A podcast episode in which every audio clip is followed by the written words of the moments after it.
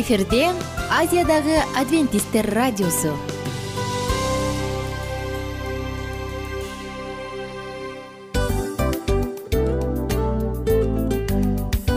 Достор салют. Баардык сүйүктүү угармандарыбызга салам айтабыз. Кутман күнүңүздөр менен. Ден соолук өмүрдүн булагы демекчи саламат саамы программасында баарыңыздарды көргөнүбүзгө абдан кубанычтабыз. Анда алгач амандашып өтөлү арбаңыздар деп. Ден соолугуңуздар кандай элибизде көбүнчө ден соолук кандай дегенде эле жакшы деп жооп беребиз э ооруп турсак дагы жакшы дейбиз. Анан мен муну айтып ойлойт элем бул абдан сонун сөз депчи анткени бул жакшы деген үмүт да ооба. баары жакшы болот баары сонун. Деп үмүттөнүп атып эле өзүбүздү өзүбүз дарылап коебуз. Анысы кандай сиздин дагы ден соолугуңуз жакшы беш деген үмүттөбүз чындыгында ден соолук бул өмүрдүн булагы деп бекеринен айтылган эмес деп ойлойм. Кыргыз элинде. Анткени эгерде ден соолук жок болсо анда адамдын жашоосунда калган баардык керектүү маңыздуу нерселер өзүнүн баалуулугун жоготуп коет. Ошондуктан ден соолук бул эң керектүү нерсе. Ооба туура айтасың кесиптешим. Чынында ден соолугуң жок бир эки үч күн ооруп калсаң эле кандай болуп калат? Жашоодо көз каранды болуп каласың көп нерсеге жетишпей каласың көп нерсени кыла албай каласың жада калса эшикке дүкөнгө да чыга албай каласың. Туп туура анан ден соолук болсо демек биз биздин бактыбыз тотой деп койсок болот. Анда достор саламат рубрикабызды баштайлы. Алдыда өзүңүзгө керектүү болгон сонун кеңештерди уга аласыздар. Мына ошондуктан биз менен бирге болуңуздар. Ал эми биз болсо милан жана айнура. Кеттик алга. Алга саламат саама ден соолуктун жарчысы. Саламат саама ден соолуктун ачкычы. Күн сайын сиз үчүн мыкты кеңештер сонун жаңылыктар кызыктуу фактылар. Биздин рубрикада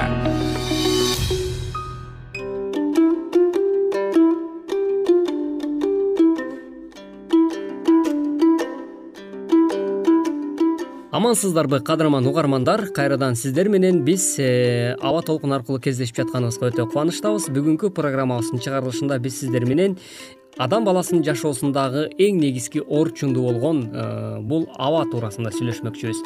Аба дегенде эле эмнени элестетебиз? Биз аба дегенде эле асман мейкиндигин эмес биз дем алып жаткан аба эске келет эмеспи. Андыктан адамда салмактуу минуталардын ичинде э, жаны жай алып э, күч кубатын калыбына келтирүүчү аба бар эмеспи. Ал э, шаркыратмалардын жанында жана ошондой эле токойлордо жаандан кийин пайда болот. Андан башка дагы терс адамдын ден соолугуна түзмө түз таасир этүүчү дагы аба бар. Ал аба керек болсо адамдын көңүлүн чөгөрөт ошол менен биргеликте эле э, адамды өзүнөн чыгарып жиберүүчү абалга чейин жеткирүүчү мүмкүн э, башкача айтканда стресс абалга дагы түшүрүп коюшу мүмкүн. Бул аба эмне деп ойлоп жаткан болсоңуз э, айлана чөйрөдөгү мүмкүн жагымсыз жыттар ошондой эле чылым чегүүдөн келип жаткан чылымдын түтүнү мына ушундай жагымсыз жыттар адамдын жүрөгүн айлантпастан башын дагы оорутуп ар кандай капалыкка да алып келиши ыктымал. Балким сиз бул туурасында минтип да ойлонуп калышыңыз мүмкүн эми чылым чексе эмне болуптур? Э, баары эле чылым чегип жатышпайбы деп. Ар бир адамдын табити ар кандай демекчи кээ бирөөнө мүмкүн чылымдын э, жыты жакпайт дегендей.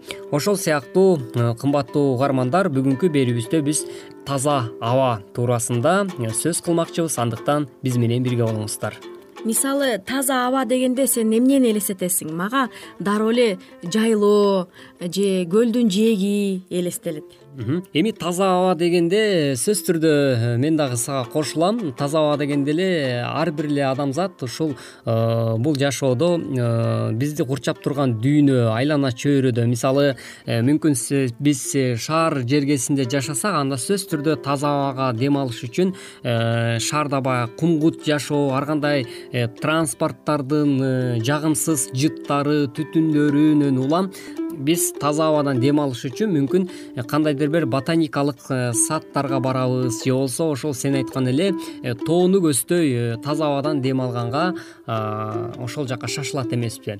Кыскасы айтайын дегеним сенин сурооңо жооп кайтарайын.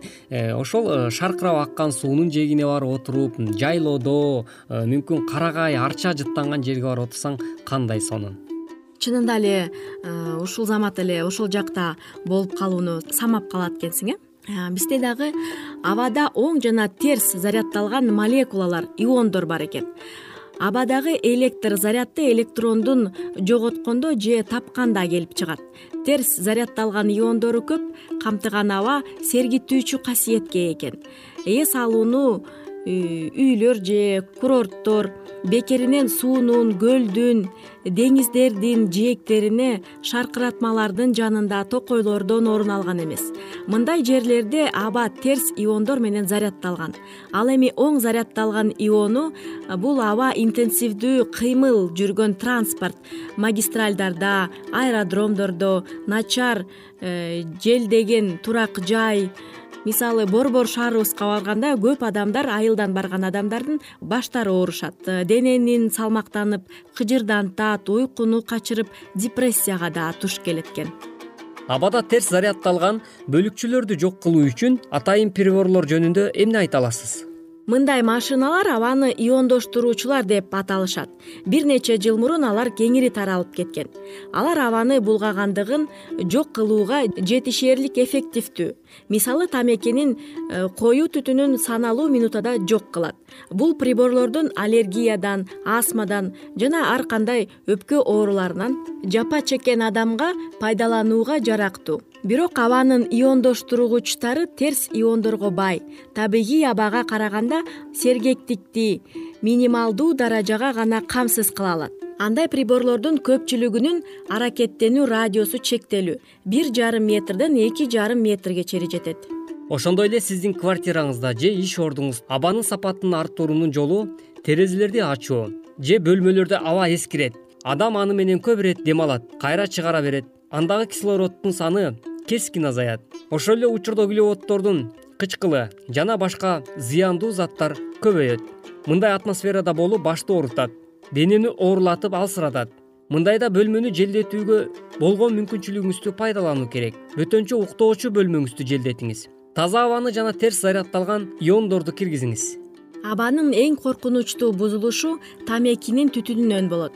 Бирок сапаты жагынан вентиляцияланбаган жана желдетпеген үйдөгү эскирген аба да андан калышпайт. Адам жашаган жана иштеп жаткан турак жай тез тез желдетип турушу зарыл көп жерлерде абадагы майда бөлүкчөлөрдүн пайдалуу саны күн баткандан кийин төмөндөйт. Ошондуктан айлананы э, туман басып аба ырайы бузулуп турганда квартираңызды кечинде жана түн ичинде желдетсеңиз дурус. Аба кондиционерлердин колдонсо да болот. Бөтөнчө иш орундарында. Алар туруктуу микроклимат эле түзбөстөн абаны булгаган заттардан да үйдөгү абаны рециркуляция эле кылбастан сырттан да таза аба киргизет. Абадагы кычкылтектин порциалдык басымдын азайышы организмге таасир этет. Абанын курамындагы азот инерттүү газдарга кирет абадагы азот көбөйүшү андагы кычкылтектин порциалдык басымын төмөндөтөт жана наркотиктик таасир бериши мүмкүн. Көмүр кычкыл газы же көмүртектин кош кычкылы атмосфералык абанын туруктуу курамдык бөлүгү. Кадимки шаарда алардын абадагы концентрациясы көлөм боюнча ноль бүтүн ондон үч пайызы түзөт көмүр кычкыл газы атмосферадагы тирүү организмдердин тиричилик аракетинин күйүү чирүү ачуу процесстеринин натыйжасында келип турат. Өнөр жайлуу шаарларда түрдүү отундардын күйүшүн абада көмүр кычкыл газынын концентрациясы көбөйөт.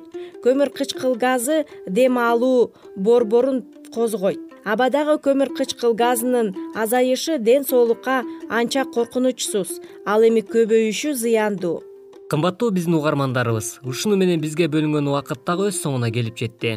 Кийинки берүүбүздөн кезиккенче сак саламатта болуңуз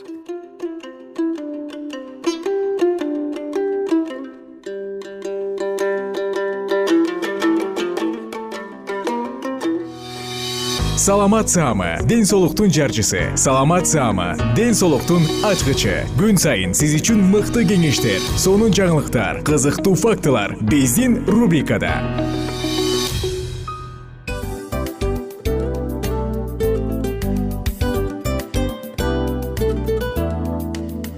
Салам достор. Ачуу душман акыл дос. Акылыңа акыл кош демекчи биздин дил маек рубрикасына кош келиңиздер. Дил маек программасында ар кандай темаларды козгойбуз? Балдарды өстүрүү аларды тарбиялоо кантип балдарды бактылуу кыла алабыз? Жана кыз жигит ортосундагы мамилелер кыз жигит ортосуна кантип нукура таза сүйүүгө жетсе болот? Бактылуу үй бүлө куруунун кеңештери ар кандай сырлары жеке өсүү жана ар кандай кызыктуу чыгармачыл программаларга арналган рубрикабызга кош келиңиздер. Эмне үчүн дил маек? Анткени дил маек эки адамдын баарлашуусу сырдашуусу. Сизди да биз менен сырдашууга чакырабыз. Анда эмесе кийинки он мүнөттүк убакытта сиздер менен чын жүрөктөн сырдашып баарлашабыз. Даяр болсоңуздар анда кеттик ар түрдүү ардактуу кесип ээлеринен. Алтын сөздөр жүрөк ачышкан сыр чачышкан сонун маек. Дил маек рубрикасында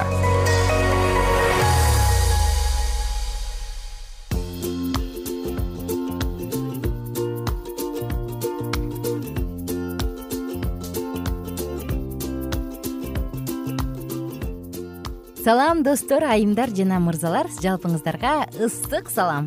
Эфирде мен мику жана менин кесиптешим аку сиздерге сүйүү жөнүндө кеп курабыз. Бүгүн кучакташабыз. Анткени темабыз кучакташуу жөнүндө болмокчу. Кандай пайдасы бар пайдалуу дегиле же кандай бул? Кучакташуу деген эмне негизи дүйнөдө бүгүн кучакташуу обнимашки же англисче хакс деген аябай сонун таралган нерсе экен. Бүгүн жада калса чоң чоң шаарларда мегаполистерде жаштар адамдар э, бир чоң плакатка мени кучакта же айып неме акчасы жок кучактоо деп жазып коюшат экен. Анан көчөдө бекер эле. Бекер бекер кучакташуу деп. Анан көчөдө өтүп бараткан баары каалагандар барып кучакташат да. Ооба ал эмес жакынкы араларда жакынкы араларда эле кучакташуу бүткүл дүйнөлүк кучакташуу күнү да белгиленди. Демек баары ушундай бир лозунг кылып атса мунун пайдалуу жагы бар го э? Википедияга ылайык кучакташуу бул физикалык жакындыктын формасы экен. Кээде өбүшүү менен да ассоциация болгондо вербалдуу эмес баарлашуунун бирден бир түрү дейт да элестетип көр. Демек кучакташуу бул баарлашуунун бир түрү. Таң калыштуу дагы бир кызыктуу. Кучакташуу дейт эгерде адам бир күндө э, жети адамды кучактаса дейт бир күндө жети адамды. жети же жети адамды же бир адамды жети жолу айырмасы жок. Жети жети жолу кучакташса? жети кучакташуу дейт угуп тур ал адамдар жүрөк ооруларына аз ооруйт дейт. Жана стресске аз чалдыгышат дейт. Бирөөнү таап алып эле кучакташып отуруш керек окшойт анда. Ошон үчүн күн сайын кучакташкыла дейт. Эмнегедир баягы биз физикалык э, мындай контакттардан коркпошубуз керек кучакташуу. Албетте эми сен бейтааныш адамдар менен айткан жокмун. Бирок жакынкы адамдар үй бүлөнү үй бүлөнүн мүчөлөрүн ата энелерибизди балдарыбызды биз күн сайын кучактайбызбы бул негизи жакшы адат экен. Күн сайын мектепке кетип баратканда катуу жөн эле баягы кучактап эмес сүйүү менен кучактап бетин бир балч этип өп туруп мен сени сүйөм же күнүң жакшы өтсүн деп. Жолдошуңарды сүйгөнүңөрдү апаңарды туугандарыңарды иши кылып күн сайын жети адам табыш керек экен элестетип көр ал эмес кучакташуу наристелерди эгерде тез тезден ата энеси кучактай турган болсо алардын иммунитети да бекем болот экен. Кучакташпаган балдарга караганда. Ооба. Анан жакынкы араларда чет жакка барган адамдар же болбосо башка жактан келген адамдардын көбүн карап отуруп бир э, ал эмес видеодон деле көрүштү болуш керек э. Эгерде сиз мени менден жийиркенбесеңиз анда мени кучактап кетиңиз депчи анан көпчүлүгү же болбосо сиз бул улутту сүйсөңүз анда кучактап кетиңиз дегенде көпчүлүгү кучакташып турду. Карап отуруп таң каласың бул эмне деген адат? Деги эле кучакташуу адамга эмне берет десе көрсө стресс учурунда кучакташуу кортизолдун секрециясын жана пульсту төмөндөтөт экен. Элестетип көр анан негизи эле кучакташуу бул стресстин буфери болуп саналат экен. Кызык. Стрессте сен туруштук бере аласың чындыгында биз кээ бирде ойлойбуз адамдардын ич ара өз ара байланышуусу же сүйлөшүүсү бул бир гана биздин сөздөрүбүз менен тил аркылуу болот деп. Чындыгында окумуштуулар бүгүн айтат жок биз тил менен баарлашуубуз бул даже элүү пайыз эмес дейт. Жыйырма пайыз отуз пайыз дейт. Анткени отуз пайызы бул неме физикалык контакт дейт да. Бул кол кармашуу кучакташуу э, жетелешип басуу бул адамдын жашоосунда абдан керектүү экен. Анан окумуштуулар айтат өзгөчө үй бүлөлүк жарларга дейт. Анткени аларга баягы физикалык контакт ушунчалык турмушка берилип күнүмдүк иштерге ар кандай жумушка убакыты жок. Бирок бири бирин баягы тийип туруу адамга адамзатына ар бир адамга керек экен элестеткиле ошон үчүн э, бири бирибизге дайыма сыйлап бири бирибиздин чачыбызды тарап колдон мынтип сылап эми негизи бул жөнөкөй эле нерселер. Буга акча каражат эч кандай кереги жок энергия. Бул мындай акысыз нерселер бирок керектүү нерселер. Ошон үчүн биз алардан эч качан коркпостон кучакташып эгерде биздин сүйгөн жубайыбыз тамак бышырып жатса аркасынан келип бир сылап катуураак кучактап тамагың сонун жыттанып атат уже шилекейим агып атат болбой калдым деп айтып коюшубуз керек экен. Э, же жолдошубуз машине унаа айдап баратса биз жанында отуруп аялы э, колунан кармап ушул сен айдаганда өзүмдү баягы чоң кораблдин ичинде космосто учуп жүргөндөй сезем капитанымсың сен сен айдаганда эле ушундай сонун комфортно сезем деп бул абдан керектүү колунан бир кармап койгула.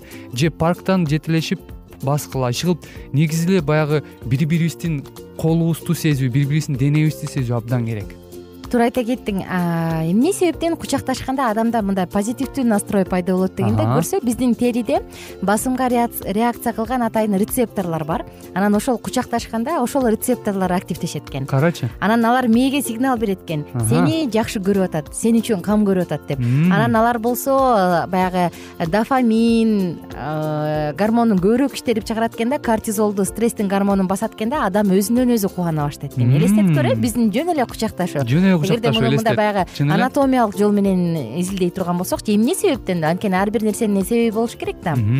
Сага бирөө жаман сөз айтканда эмнеге кайгырасың? Сени бирөө кучактаганда эмнеге кубанасың? Деп изилдей турган болсок көрсө ошол теринин рецепторлорунун баары активдешет экен да биз өзүбүздү бактылуу сезет экенбиз. Караңызчы сиздин жөнөкөй эле кучактооңуз адамды бактылуу кылып коет. Вау бул кандай керемет. Дагы бир кызыктуу байкалыш элестетке э, кичинекей балдар негизи көбүрөөк кучакташат экен бири бирин э, мындай деле байкасаң көчөдө ойноп жүргөндөр биз деле бала кезибизде ооба. бири бирибизди апабызды чуркап келип кучактайбыз апабызды кучактайбыз досубуз дос экебизди кучактайбыз күчүктү кучактайбыз эмнени гана кучактабайбыз. И кичинекей балдар ошончолук бактылуу ошончолук ак көңүл ошончолук мындай жакшы жашашат да. Анан улгайган сайын эле биз ошондой кучактоолордон алыстап алыстап анан э жыйырма жылда бир көргөн адамыбызды эле көрүп ии деп кучакташып калбасак эле ошондой да. А бирок кучакташуу биз күн сайын кучакташып турушубуз керек экен. Бул пайдалуу нерсе керектүү нерсе андан сырткары кучакташуу сүйүүнүн гормону деп аталган окцитоцинди иштетип чыгарат экен. Окцитоцин канчалык көбүрөөк иштелип чыкса биздин өзүбүзгө болгон ишеним өсөт экен. Элестетип көр. Эгерде сен кичинекей ымыркайыңды балаңды тез тезден кучактап турсаң ал өзүнө ишенимдүү инсан болуп чоңоет. Эгерде жолдошуңуз же келинчегиңизди улам улам кучактап турсаңыз анын ийгиликке жетишине сиз чоң түрткү бересиз таң калыштуу э болгону гана жөнөкөй эле. Жана жогоруда сен айта кеткендей акысыз кучакташуу кереметтер жарата алат. Ошон үчүн бүгүн достор азыр э, программабызды угуп жатып балким барып кучактай саласыңарбы же угуп бүткөндөн кийин кучактай саласыңарбы чындыгында бул жөн эле күлкүлүү мындай жөнөкөй эле кызыктуу тема эмес бул керектүү тема. Ооба ооба. Ошон үчүн келгиле өзүбүзгө чындап эле жашообузга максат коебуз. Күн сайын бир күндө жети адам менен кучакташуу мен биз э, биздин бир журналдардын бирин которуп атканда бир айымдын айткан сөзүн окуп аябай таң калгам да эгерде сиз эптеп эле эптеп эле күн көрөйүн десеңиз анда күнүнө жетиден ылдый жолу кучакташыңыз дейт да беш алты же бир эки жолу. Эгерде сиз жакшы жашагыңыз келсе анда күнүнө сегиз жолудан көп кучакташыңыз дейт элестетип көр бул жубайларга карата айтылган нерсе анан таң каласың анан чет өлкөлөрдүн биринде азыркы учурда бир сонун мыйзам кабыл алышпадыбы? Баягы карылар үйү менен балдар үйүн бириктиребиз деп интернаттычы. Ата энеси жок ата энеси жок балдардын үйү менен карылар үйүн бириктиребиз деп көрсө балдар ата эненин сүйүүсүнө муктаж алар кимдир бирөөнүн кучакташына кимдир бирөөнүн көңүл буруусуна сүйүүсүнө муктаж ал эми карылар жалгызсырайт. Анан ал жакты бириктиргенде баягы ата энеси жок балдар өздөрүнө чоң эне чоң ата табылышат экен дагы анан коомго пайдалуу адамдар өсүп чыгат деп изилдеп анан эми бириктирип жатышат да. Бул да болсо мындай абдан жагымдуу. Анткени чындыгында улуу адамдар жалгызсырайт а кичүү муун алар сүйүүгө муктаж. Анан алар бири бирин кучакташат кам көрүшөт эрмектешет чоң апа чоң ата деп же апа ата деп аташат экен да. Анан коомго пайдалуу мындай жакшы атуулдарды чыгарабыз деп үмүттөнүшөт.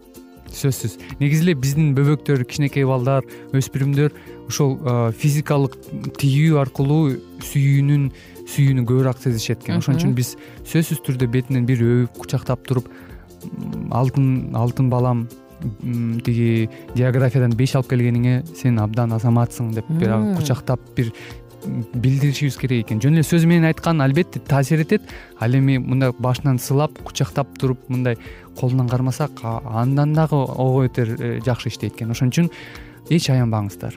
Тилекке каршы убактыбыз соңуна келип калды. Ушул эмне себептен адам кучакташуудан качат деген дагы бир балким алдыда темаларды кыла кетербиз кандай болсо дагы эгер сиз кучакташканды жакшы көрбөсөңүз да улам улам кучакташа бериңиз. Биз ишенебиз сиз бир убакта сүйүп каласыз. Анткени бул сиздин ден соолугуңузду бекемдейт жана сүйүктүү адамыңызды бекемдейт. Кайрадан амандашканча баарыңыздарга ысык салам айтабыз ар түрдүү ардактуу кесип ээлеринен. Алтын сөздөр жүрөк ачышкан сыр чачышкан сонун маек. Дил маек рубрикасында.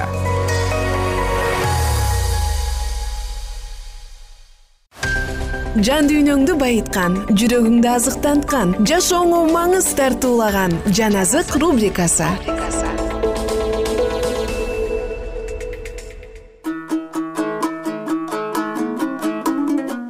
амансызбы буратарым? Сиздер менен улуу күрөш китебин улантабыз. Францияда биринчи жолу тактыны колдоо үчүн ак сөөктөрдө коргочулоп мыйзамдарды сактоо үчүн куугунтуктун кылычы жаркылдады. Бул мамлекеттин башкаруучулары албетте ушундай саясаттын артындагы боло турган жамандыгын билишкен эмес. Ал эми мукадасын окутуулары адамдардын аң сезимине жана жүрөктөрүнө мамлекеттин өсүп өнүгүүсү үчүн бурчтун негизи болуп коюлган адилеттиктин токтоолуктун чындыктын теңдиктин жана жакшы иштерди жасоонун негиздерин бекемдемек. Адилеттүүлүк калктарды көтөрөт. Ошондуктан чындык жана тактылар бекемделет. Жана акыйкаттын иши тынчтык болот. Адилеттиктин жемиши тынчтык менен түбөлүк коопсуздук болот.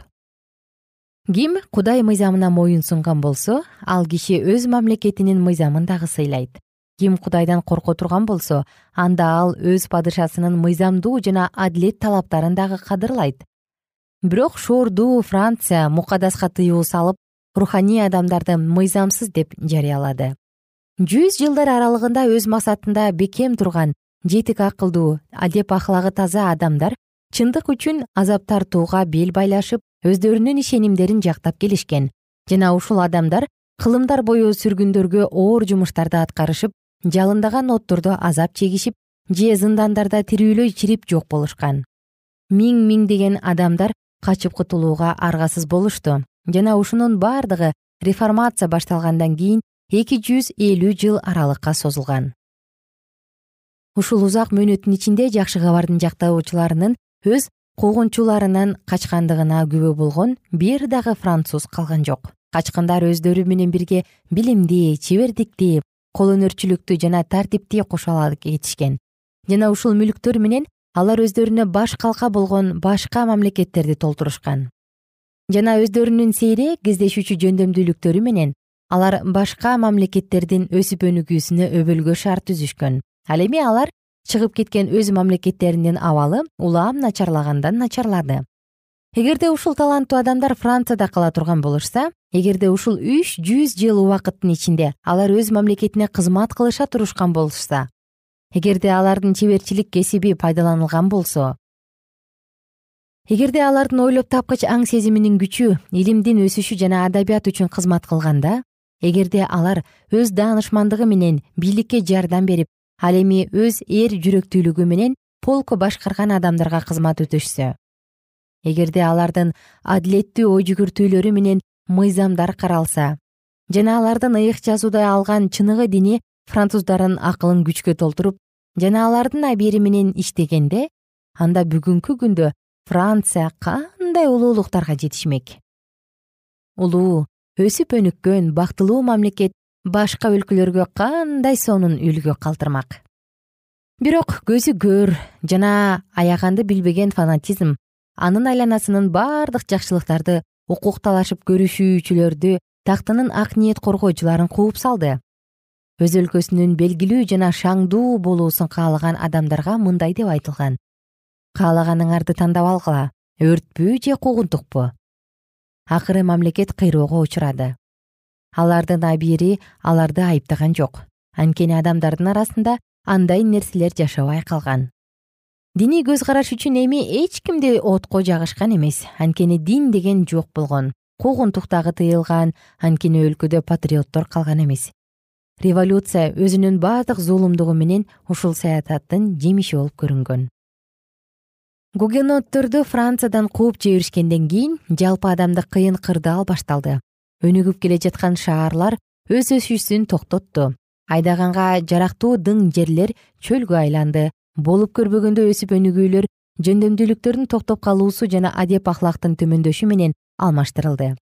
Париж жарды жалдыларды бага турган үйгө айланды жана эки жүз миң жакыр адамдар падышадан жардам күтүп сагаалашкан бир гана эки жүздүү адамдар талкаланган өлкөдө жыргап күн көрүп жатышты. Өз бийиктиктерин мыкаачылык менен жыйындарда мектептерде түрмөлөрдө жана тарбиялануучу жайларда бийликтерин көргөзүшкөн. Франциядагы динчилдерди падышаларды жана мыйзам чыгаруучуларды бурчка такаган жакшы кабардын жардамы менен социалдык жана саясаттык муктаждыктарын чечүүгө мүмкүн болмок. Жана акырында ушул нерселер түгөл улутту кыйроого жана өлүмгө алып келген. Бирок римдин тийгизген таасири менен калайык калкка куткаруучунун талап кылынбаган сүйүү жана герт башынын кызыкчылыгын ойлобоо жөнүндөгү насааттарынын өтө баалуу маанилерин жоготушкан. Адамдар башкалар үчүн өз герт башынын кызыкчылыктарынан баш тартуу деген нерселерден алда канча алыстап кетишкен. Кедейлердин кысымга алгандыгы үчүн эч ким бай адамдарды айыптаган эмес. Ал эми кедейлер болсо өздөрүнүн кул сыяктуу эмгеги үчүн эч кандай мактоо алышкан жок. Байлардын өзүмчүлдүгү жана өкмөт башчылардын бийлиги көзү көрүнөрлүк жана зөөкүрдүк менен байкалып турду. Жүз жылдар аралыгында белгилүү адамдардын ач көздүгү жана ысырапкорчулугу кедей кембагалдардын үстүнө түшкөн оор түйшүк болуп калды. Байлар кедейлерди эзишсе ал эми кедейлердин аларды көрөйүн деген көздөрү калган эмес. Көптөгөн аймактарда жерлер ак сөөктөргө таандык болгон ал эми жер иштеткен адамдар арендага алып эмгектенгендер болушкан. Алардын өмүрү өздөрүнүн кожоюндарына байланыштуу болгон. Ошондуктан алар өз кожоюндарынын баардык адилетсиз талаптарына баш ийип турушкан. Мамлекетти жана чиркөөнү каржылоо түйшүгү орто жана төмөнкү даражадагы адамдарга жүктөлгөн. Жана аларга карата өтө жогору деңгээлде салык төлөөгө туура келген. Ак сөөктөрдүн кежирликтери жана каалоолору эң жогорку мыйзам болуп эсептелген. Жумушчу тап ачтан өлүп жатышса дагы алардын эзүүчүлөрүн бул нерселер кабатыр кылган эмес. Адамдар жер ээлерине бардыгында баш ийишип турушкан жана алардын кызыкчылыктарын канагаттандырышкан.